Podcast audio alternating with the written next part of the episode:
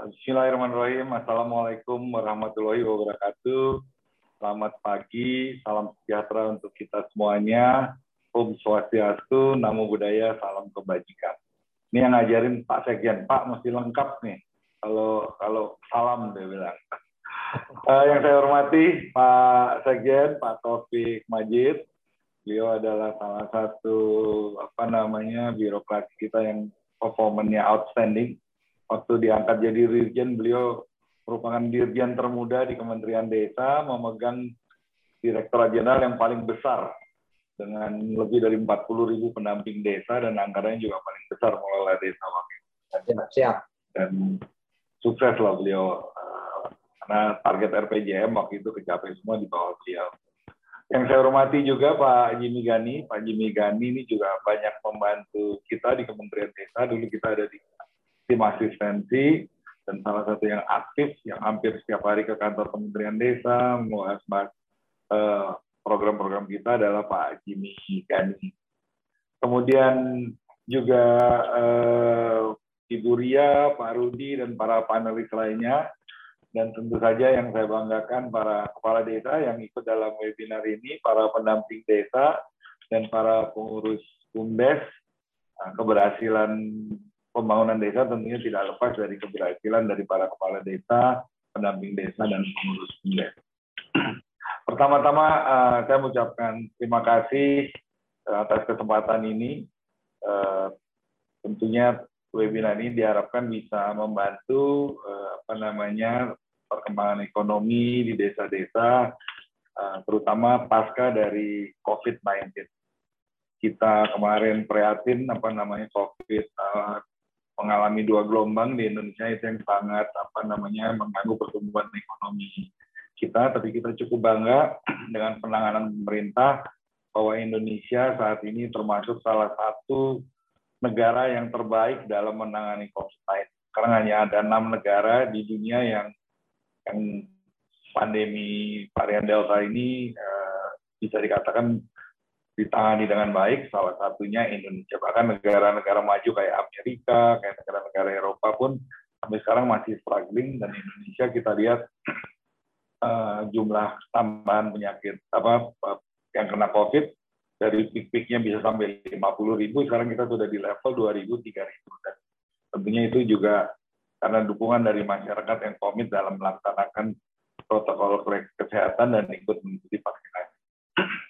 Bapak-bapak, ibu-ibu sekalian, eh, tadi dijelaskan oleh Pak Dirjen bahwa eh, Pak Sekjen bahwa ekonomi desa itu 82 persen lebih tergantung pada sektor komoditi, yaitu pertanian, peternakan, perikanan, dan perkebunan.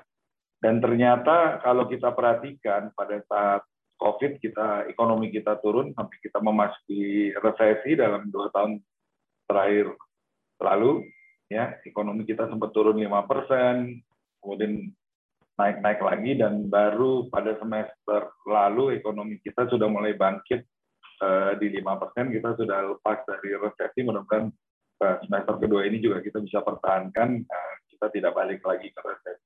Tapi yang memper, yang mencengangkan kita semua bahwa walaupun ekonomi Indonesia turun tapi sektor pertanian kita tetap ada growth-nya. Gitu. Bahkan di tengah-tengah resesi di Indonesia, sektor pertanian kita ada growth-nya. Dan sektor pertanian itu tentunya dikontribut bukan di kota-kota, tapi yang pasti adalah di desa-desa di Indonesia. Nah, eh, sekarang dengan dengan dengan ppkm mulai diperlonggar, orang juga udah mulai jenuh apa namanya eh, di rumah gitu saya yakin sektor pariwisata ini akan meledak. Nah, dan pariwisata juga mayoritas ada di desa-desa. Ini penting bahwa desa-desa mempersiapkan diri untuk di sektor pariwisata. Nah, yang menarik sesuai dengan tema webinar ini adalah mengorbitkan UMKM dan desa untuk go digital. Karena salah satu kendala dalam pembangunan ekonomi di desa terutama adalah masalah pemasaran. Karena the idea of doing business is to make money. Nah, kalau kalau kita tidak punya pasar atau sulit untuk mendapatkan akses pasar, itu uh, tentunya eh, satu produk bagus apa pun tidak akan jalan. Nah, dunia e-commerce ini, dunia digital ini sangat membantu siapa pun, termasuk orang-orang di desa, pemangku-pemangku di desa, masyarakat desa, untuk tanpa modal bisa ikut memasarkan eh, apa namanya produk-produknya. Tinggal kreativitas dari pemangku kepentingan yang ada di desa-desa terutama pengurus-pengurus BUMDes sebagai motornya, supaya BUMDes juga membuat usahanya tidak bersaing dengan usaha yang sudah ada di desa, tapi membantu usaha-usaha yang ada di desa itu untuk dipasarkan di luar desa itu melalui e-commerce. Di China melalui e-commerce Taobao itu tahun lalu eh, bisa menjual produk-produk desa di China bukan hanya di domestik di China yang saja, tapi juga keluar negeri, itu lebih dari 430 ribu 430 miliar US dollar. Itu kira-kira eh, 4.000 triliun ya. Itu lebih lebih besar dari APBN Indonesia saat ini. Ya, tentunya China negara besar lah. Tapi apa yang kita yang dilakukan di China sebetulnya bisa di copy atau di cloning di Indonesia karena di Indonesia platform-platform e-commerce juga banyak ya ada Tokopedia, ada Bukalapak, ada beli-beli, ada itu. Itu bisa dimanfaatkan bahkan sekarang kayak Lion Parcel juga membuat atau Lion Group membuat platform sendiri dan mereka mempunyai 50 juta uh, regular customer-nya yang kalau desa bekerja sama itu bisa bisa bisa ikut mempromosikan produk-produk desa.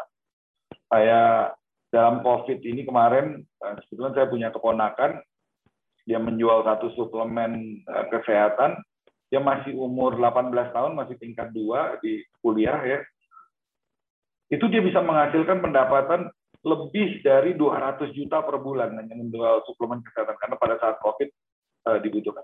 Bayangkan hanya satu suplemen kesehatan seorang anak umur 18 tahun melalui platform e-commerce dia bisa membuka virtual toko dengan bukan penjualan ya penjualannya itu lebih dari 5 miliar tapi keuntungannya itu lebih dari 200 sampai 300 juta per bulan.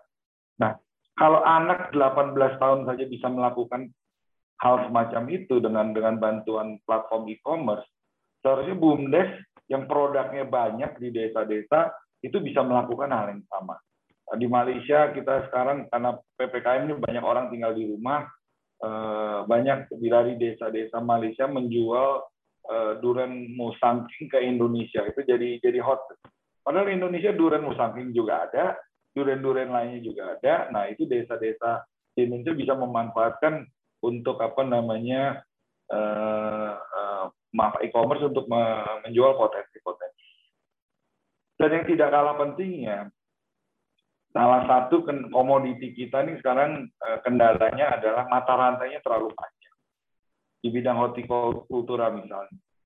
Harga cabai itu di level petani sampai di level ibu-ibu di dapur itu bedanya bisa tiga kali lipat. Katakanlah kalau di level petani itu eh, mereka menjualnya 10.000 per kilo, eh, dibeli oleh pedagang kecil, pedagang kecil dibeli oleh pengumpul besar, pengumpul besar dijual di pasar induk, pasar induk dijual ke pedagang menengah, pedagang menengah dijual ke pasar, pasar baru sampai ke ibu-ibu itu mata rantainya terlalu panjang. Makanya bedanya sampai di ibu-ibu itu bisa 30 ribu rupiah, tiga kali lipat. Nah, padahal ini bisa dipotong kalau bumdes-bumdes misalnya mengumpulkan produk-produk misalnya seperti cabai, dan mungkin bisa disortir dari grade A, grade B, grade C, mungkin bisa di packaging eh, seperempat kilo, seperempat kilo supaya ibu-ibu bisa membeli uh, kalau udah di packaging seperempat kilo. Dan sekarang ongkos kirim juga murah sekali, ke, dari desa-desa ke kota-kota itu bisa one day delivery. Dan yang membuat dari itu eh, apa namanya mungkin katakanlah bisa membeli dari petaninya dinaikkan sedikit tidak 10.000 tapi 15.000 eh, ongkos kirim 5.000 itu masih 20.000 dan mungkin keuntungan dari BUMDes bisa ngambil 5.000 jadi 25.000 sampai di end user itu masih harganya di bawah 30.000 jadi di level petani harganya bisa dinaikkan BUMDes bisa untung atau atau anak-anak muda di desa yang yang punya aktivitas seperti ini bisa bisa diuntung dan di end user dengan harga lebih murah sehingga volumenya lebih banyak dan kualitinya bisa lebih bagus karena tidak melalui mata rantai yang lebih panjang dan bisa dibikin data agresif. Nah itu juga bisa menumbuhkan industri apa namanya downstreamnya. Nah, teknologi digital ini juga masuk ke sektor finansial. Tadi Pak Dirjen eh, mengatakan bahwa salah satu target Kementerian Desa udah untuk membentuk desa menjadi cashless. Nah, desa menjadi cashless itu eh, benefitnya adalah tanpa disadari eh, masyarakat desa track record finansialnya bisa kerekam sama sektor keuangan. Jadi karena sudah mempunyai track record, suatu saat dan sekarang juga mulai banyak dibentuk bank-bank digital ya, Suatu saat kalau mau pinjam uang atau butuh akses finansial, itu tidak perlu harus ada assessment lagi, karena track recordnya sudah terrekod secara digital. Jadi, jadi, nah ini penting sekali eh, para kepala desa, para para pengurus bumdes, pendamping desa untuk eh, apa namanya mengintroduce eh, teknologi e-commerce, teknologi digital, e-finance dan lain sebagainya ke masyarakat desa dan akan banyak produk-produknya. Kayak uh, saya bantu beberapa pegawai di Kementerian Desa yang kebetulan mereka punya akses di sumber udang, di sumber ikan, di sumber apa saya posting di Instagram saya sampai mereka overloaded gitu, udah nggak bisa terima uh, apa namanya orderan lagi. Itu padahal baru di Instagram satu orang. Bagaimana kalau masuk ke e-commerce? Jadi itu akan bisa besar sekali. Jadi uh, harusnya ya karena desa juga base per kapita GDP juga masih kecil uh, dengan bantuan e-commerce ini pertumbuhan ekonomi di desa akan menjadi lebih besar dan hampir 50% penduduk Indonesia itu ada di desa sehingga desa di tengah masa recovery ekonomi ini menjadi motor pembangunan ekonomi Indonesia. Uh, yang tidak kalah pentingnya lagi, seperti saya katakan lagi, sektor pariwisata itu ini akan meledak nih karena orang sudah jenuh. Mungkin mulai dari pariwisata lokal karena uh, asing masuk ke Indonesia masih dibatasi karena kita masih harus mencegah jangan sampai ada gelombang kedua, ketiga daripada COVID-19 ini. Nah, sekarang kan banyak tuh orang bikin YouTube-YouTube untuk uh, promote desanya, promote itunya, itu juga bahkan uh, bisa jadi jadi apa namanya income juga buat masyarakat kita kalau misalnya jadi apa konten creator gitu. Uh, mantan sekretaris saya di Kementerian Desa itu uh, Mita itu juga salah satu bisa menjadi melalui Instagram, melalui YouTube bisa menjadi salah satu Telegram. Itu mereka dia sekarang juga membantu e-commerce membantu keripik-keripik gitu ya.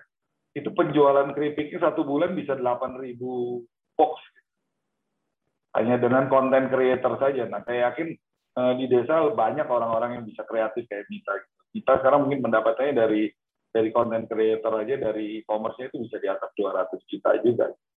Nah ini bisa dikembangkan mungkin Pak Taufik bisa bekerja sama kembali dengan Bank Dunia atau dengan apa negara-negara yang bisa mendanai untuk kasih grant untuk membuat pelatihan-pelatihan semacam itu. Dulu Pak Taufik menginisiat pendamping desa, kepala desa dikirim ke luar negeri gitu. Ada ke China, ada ke Vietnam, ada ke itu mungkin sekarang uh, terhenti gara-gara COVID gitu.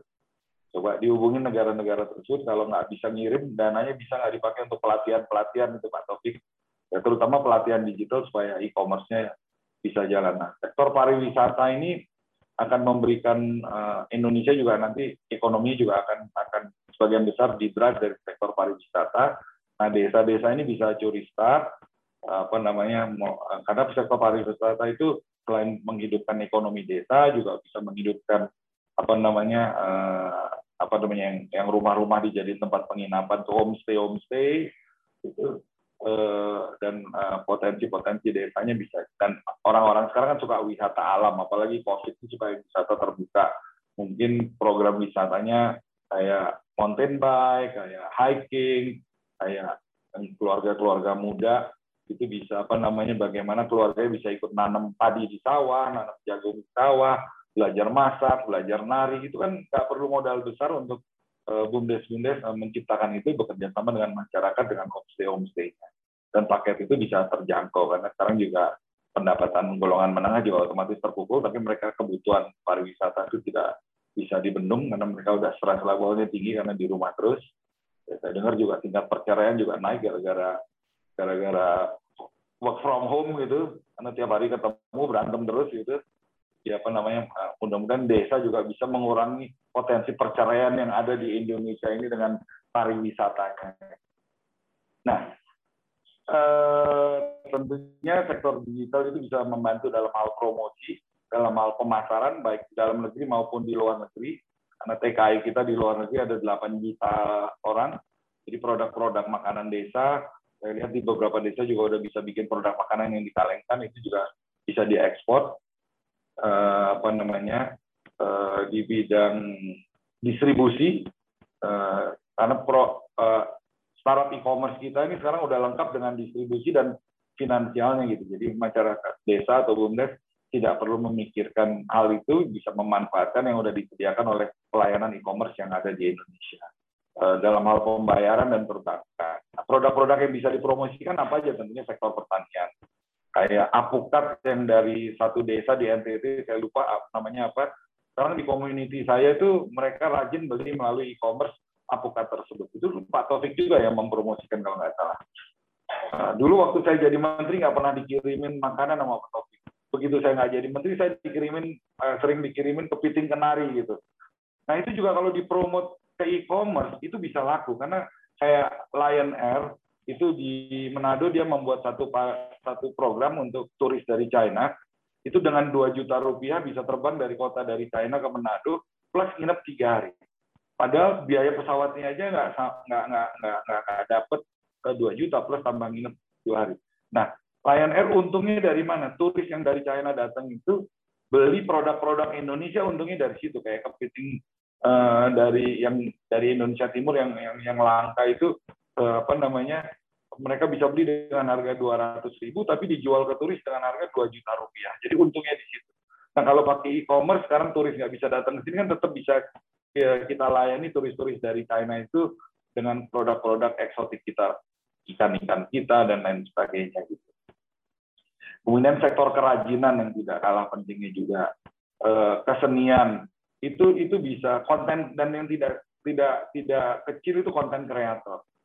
Eh, ekonomi Korea itu sekarang kalau saya tidak salah coba tolong dicek itu 20% di drive dari eh, apa namanya yang ada arminya ada itu yang dari dari penyanyi penyanyi Korea lah gitu kira-kira ya. Eh, dari nah di desa itu potensinya besar sekali. Orang desa kreatif. Jadi konten creator di desa itu juga uh, perlu ditingkatkan. Dan saya yakin sekali kalau desa bisa benar-benar memanfaatkan digital uh, desa itu akan menjadi pendorong ekonomi recovery di Indonesia. Karena mungkin yang besar-besar di kota itu perlu waktu karena mereka mungkin bisa default dengan banknya perlu restructuring. Kalau di desa kan tidak ada beban tidak ada utang tidak perlu restructuring. Jadi bisa menjadi lebih cepat dalam uh, membantu ekonomi recovery Indonesia. Mudah-mudahan uh, webinar ini bisa memberikan pencerahan uh, dari narasumber-narasumber nantinya untuk desa lebih mengenal lagi tentang teknologi digital dan memanfaatkan uh, apa namanya media e-commerce dan digital untuk uh, bisa mengembangkan potensi desa di pasca dari COVID-19. Demikian yang bisa saya sampaikan, lebih kurangnya saya mohon maaf. Wassalamualaikum warahmatullahi wabarakatuh.